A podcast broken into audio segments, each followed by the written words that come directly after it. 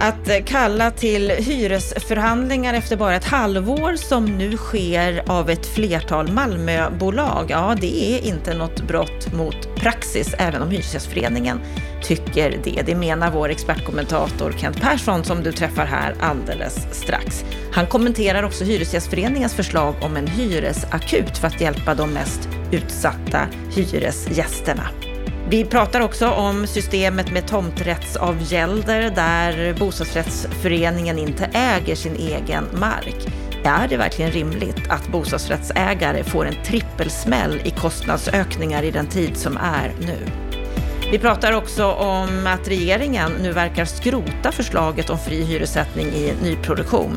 Det menar Kent är bekymmersamt. Hör varför om en liten, liten stund. Varmt välkommen till veckans Aktuellt härifrån oss på Bopolpodden med det allra senaste som har snackats om i media under veckan när det gäller bostads och fastighetspolitiken. Jag heter Anna Bellman.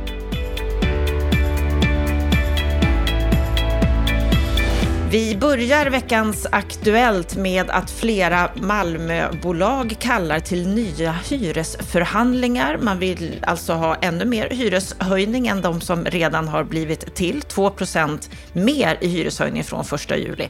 Och Heimstaden är ju en av dessa bolag, Kent Persson. Varför gör ni det här? För att eh, vi helt enkelt är inne i en mycket speciell situation i Sverige med eh, kraftigt ökade kostnader. Eh, räntorna fortsätter att stiga och det gör att trots att vi hade en förhandling där vi fick upp hyran med ungefär 5% så täcker inte det våra kostnader. Och för att då få en lite jämnare höjning av hyran över tid så väljer vi nu att, att kalla till en ny förhandling. Men får man göra det? Ja, det har vi rätt till. Att vart sjätte månad har man rätten till att kalla till, till förhandlingar om hyreshöjning. Så att för våran del ska jag säga det att vi använder det regelverket som finns. Eh, vi kommer förhandla med Hyresgästföreningen om en hyreshöjning på 2 och eh, vår bild är då att vi kommer att kunna få en lite mindre höjning, lite jämnare över tid som gör att både vi och hyresgästerna klarar sig bättre genom den här mycket problematiska situationen vi har ekonomiskt.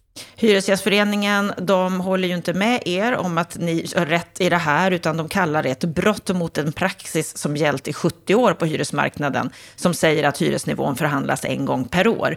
Förbundschef Erik Elmgren på Hyresgästföreningen, han säger att det här kan sluta med vilda västern på hyresmarknaden. Vad, vad säger du om den här kommentaren? Att så länge parterna eh, följer de lagar och regler vi har så kommer det inte bli någon vilda västern på den här marknaden utan vi, vi följer det regelverk som finns. Och det är bra både för eh, hyresgästerna och för oss som fastighetsägare att, att vi gör det. Det här är ett sätt att, att skapa en bättre stabilitet och se till att vi kan ta hand om både våra hyresgäster och våra fastigheter på ett bra sätt. Fast det är ju extremt ovanligt. Det är ju någonting som inte har skett på 70 år. Är det brott mot praxis? Nej, det är inte brott mot praxis och dessutom så är det ganska ovanligt att vi har eh, den här ekonomiska situationen med kraftigt stigande räntor samtidigt som vi har en väldigt hög inflation. Så att läget är exceptionellt och då är det såklart att då måste vi som fastighetsägare också agera för att kunna säkerställa att vi kan ta hand om både hyresgäster och fastigheter på ett så bra sätt som möjligt. Och vissa hyresgäster de får det tufft när det blir stora hyreshöjningar och häromdagen så lanserade Hyresgästföreningen ett förslag om en statlig hyresakut.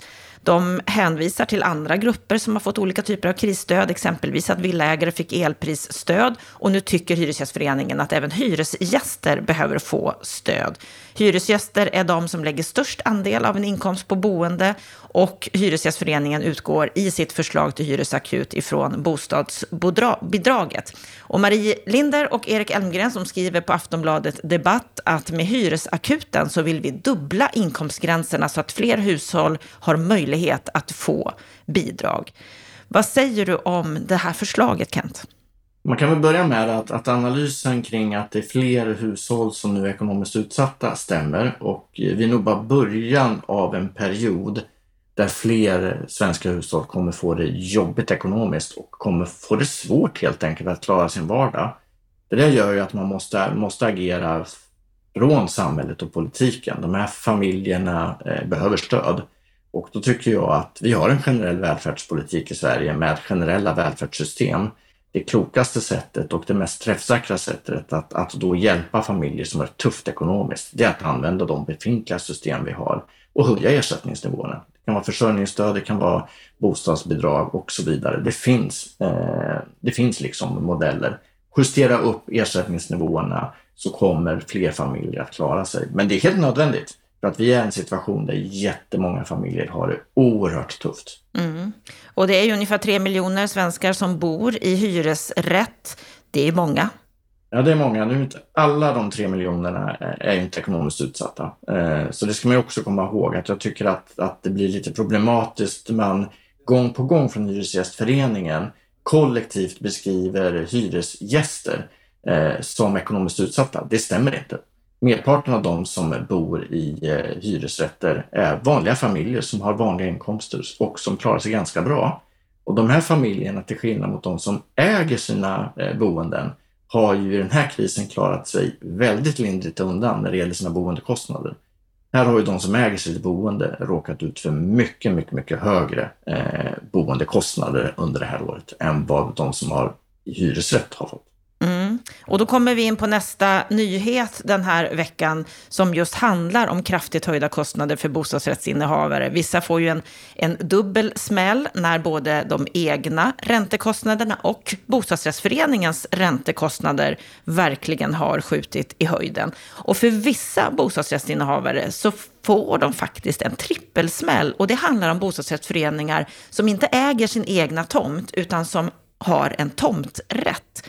Och här har det rapporterats om ett flertal fall där föreningar fått tomträttsavgälderna höjda med flera hundra procent. Framförallt i Stockholms stad, Statens fastighetsverk där, men det finns också fall i Göteborg. Och ett flertal fall har dragits till domstol. Ulrika Blomqvist som är vd för bostadsrätterna som alltså organiserar ett stort antal bostadsrättsföreningar. Hon säger till Dagens Industri att föreningarna har inget val. Föreningen är ingen snigel som kan ta med sig huset och gå. De är rättslösa. Och kommer man inte överens så hamnar processen i domstol, vilket tar både resurser och tid i anspråk. Hela tomträttssystemet behöver ses över. Man behöver tillsätta en utredning. Världen ser inte likadan ut nu som när tomträttsavgälden sjösattes. Ja, vad säger du om, om det här, Kent? Det är problematiskt. Framåt så bör man kanske fundera på om det här är ett bra system överhuvudtaget. Eh, tittar man på, på de här föreningarna så är det också så att ofta så sker ju uppräkning vart tionde eller vart tjugonde år. Eh, och i den delen har ju de som företräder kommunerna rätt i att då blir det ganska höga uppräkningar för att det är så sällan man gör uppräkningen.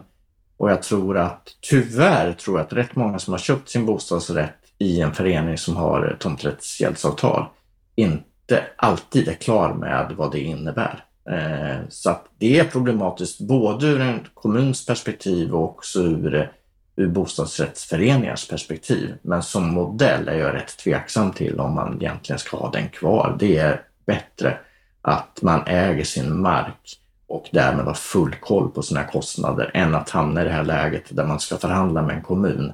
Och faktiskt, precis som det beskrivs, man, är ju, man har inget val. Man kan inte flytta på fastigheten.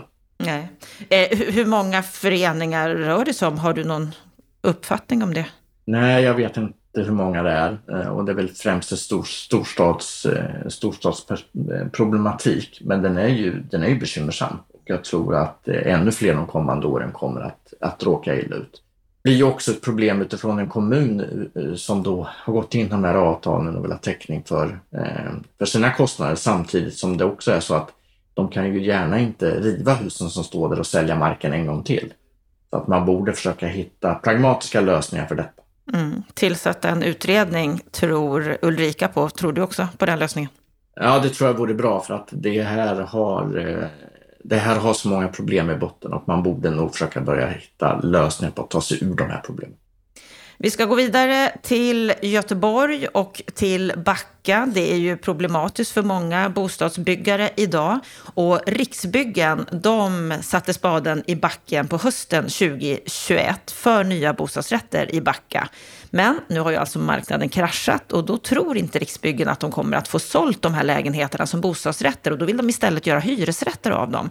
Men exploateringsnämnden, där högerpartierna och Centern bildar en majoritet, de sätter stopp för det här med argumentet att det behövs fler bostadsrätter i Backa, inte fler hyresrätter. Medan på vänstersidan, där ser man hellre att det blir hyresrätter än att nya lägenheter står tomma. Ja, vad säger du om den här problematiken som Riksbyggen har nu?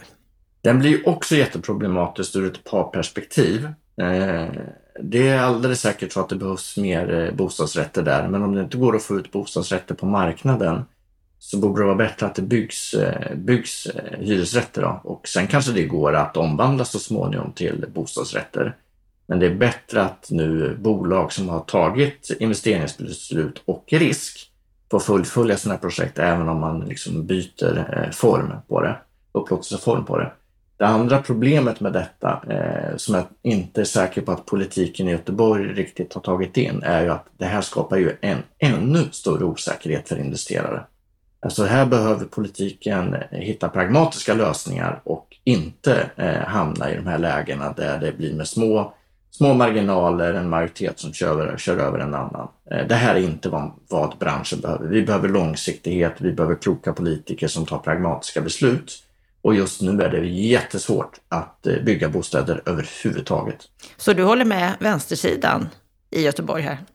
Ja, det gör jag faktiskt. För att jag tycker att det är bättre att man får fullfölja den här eh, investeringen och komma ut med bostäderna på marknaden. Dessutom finns det ett behov. Men, men den här typen av politiskt agerande skapar ännu en osäkerhet, vilket gör att investerare kommer tänka sig för en gång till om man verkligen ska gå in och börja investera i, i bostadsrätter. För att jag tror att en hel del har som reservplan att kunna, om det inte går att sälja, att i sådana fall omvandla det till ett hyresrättsprojekt. Och jag tycker att det är helt okej. Okay. Mm. Vi får se hur det går för Riksbyggen i Backa.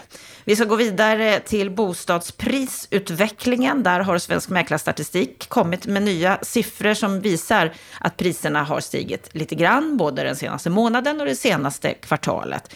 De senaste tre månaderna så har bostadsrätterna stigit med 4 procent, både i centrala Göteborg och i centrala Stockholm. Och ser man till hela riket så är bostadsrättspriserna upp 1 procent det senaste kvartalet, medan villa villapriserna de står still.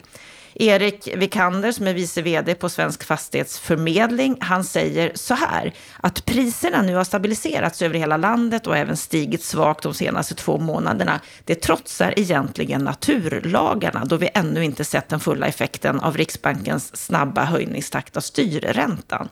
Vad säger du om det, Kent? Trotsar det här naturlagarna? Ja, kanske, kanske inte. Jag vet inte. Det som nu sker kortsiktigt är väl att eh, fler väljer att sitta lite still i sitt boende. Det är inte riktigt läge av flera skäl att gå ut och kanske sälja sitt boende eh, och köpa nytt, utan jag tror att rätt många nu sitter lite still, avvaktar, förhandlar om sina lån, de som har förfallna lån och behöver ta in ökade kostnader.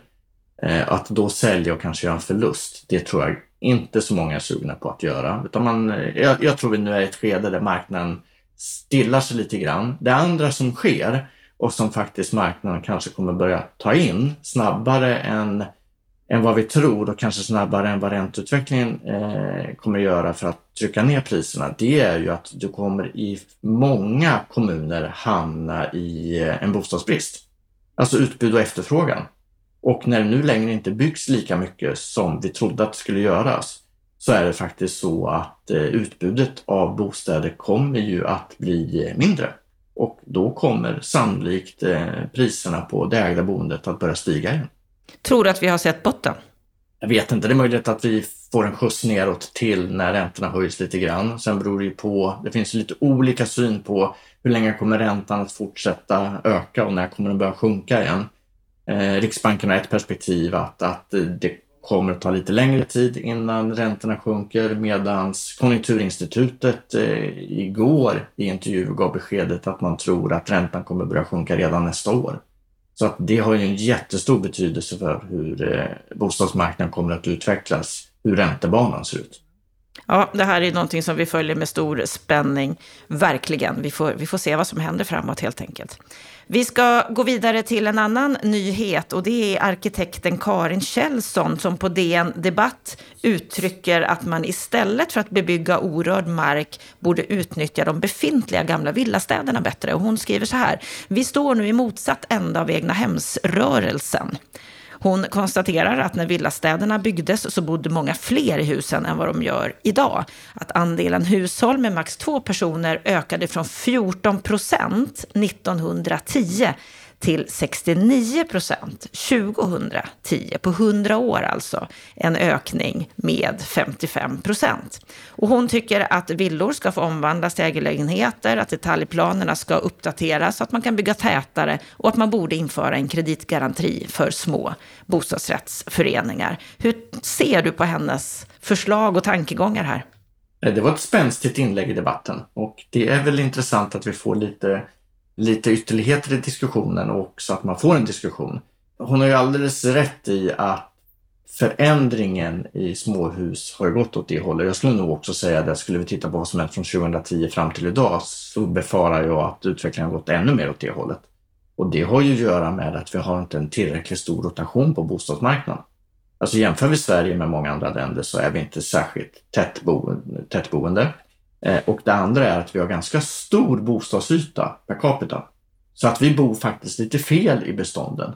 Eh, och det enda sättet att åtgärda det, det är faktiskt att skapa en rotation på marknaden. Och idag är det för dyrt att lämna sitt, sitt villa för att, att eh, av skatteskäl och bosätta sig i en annan typ av boende. Och jag tror att politiken måste titta på det och underlätta för rotation. Det tror jag är en bättre väg än att börja ombilda villor till mindre lägenheter. Jag tror att det vore en felaktig väg. Men det är ett spänstigt inlägg i debatten och det skapar väl eh, skapar väl en bra höjd för, för mer inlägg. Ja, och det har det ju kommit.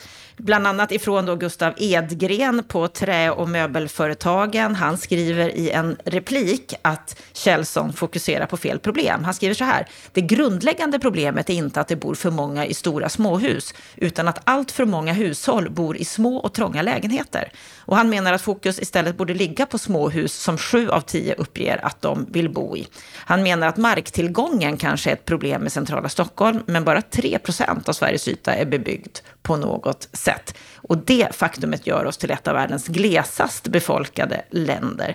Det finns definitivt ingen fysisk brist på mark för att maximera medborgarnas välfärd genom att de får bo som de önskar. Ja, vad säger du om hans replik här? Man har ju rätt i och det också tycker att rörelsen, rotationen är för liten på, på marknaden. Den måste till. Sen är det svårt med eh, småhusbyggande. Eh, eh, alla önskar att vilja bo i en egen villa.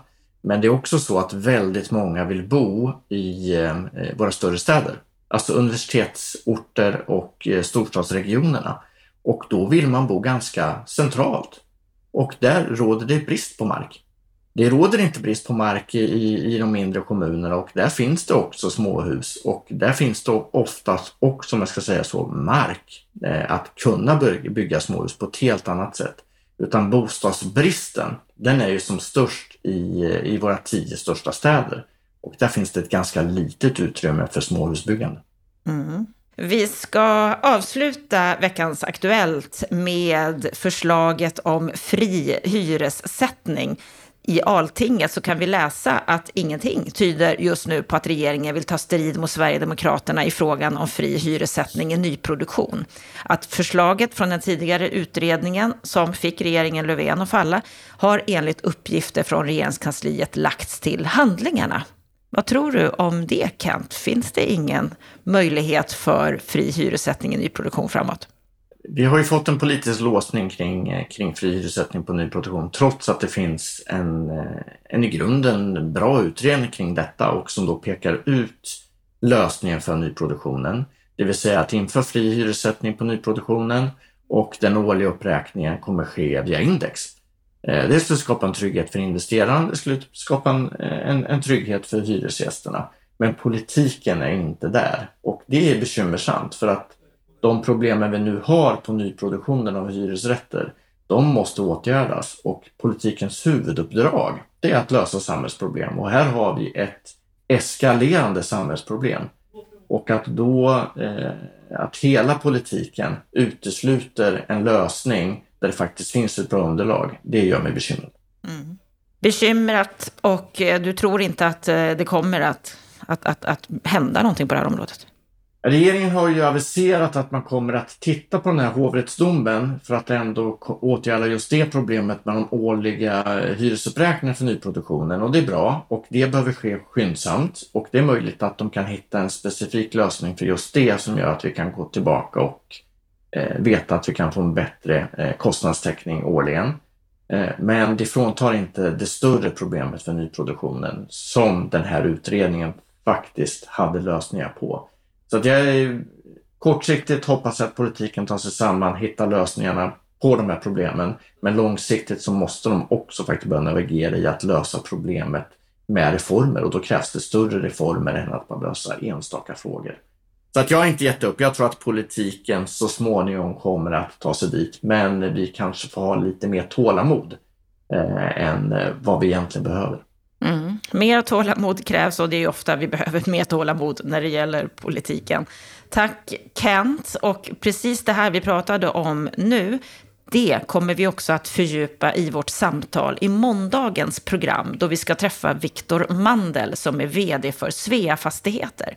Han menar att om vi inte får bukt på hyressättningen då kommer kvaliteten på våra hyresfastigheter att urholkas.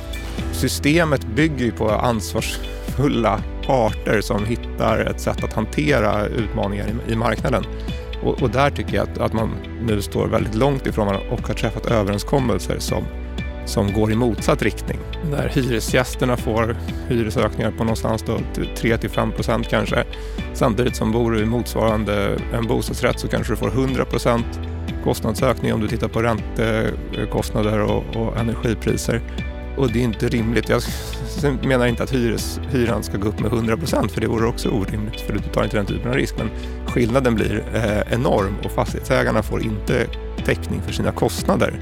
Och, och, på sikt så kommer det bara leda till att, att du urholkar kvaliteten i bostäderna och i bostadsmiljöerna. Och det vi ser i andra änden är ju att hyresgästerna efterfrågar en högre kvalitet.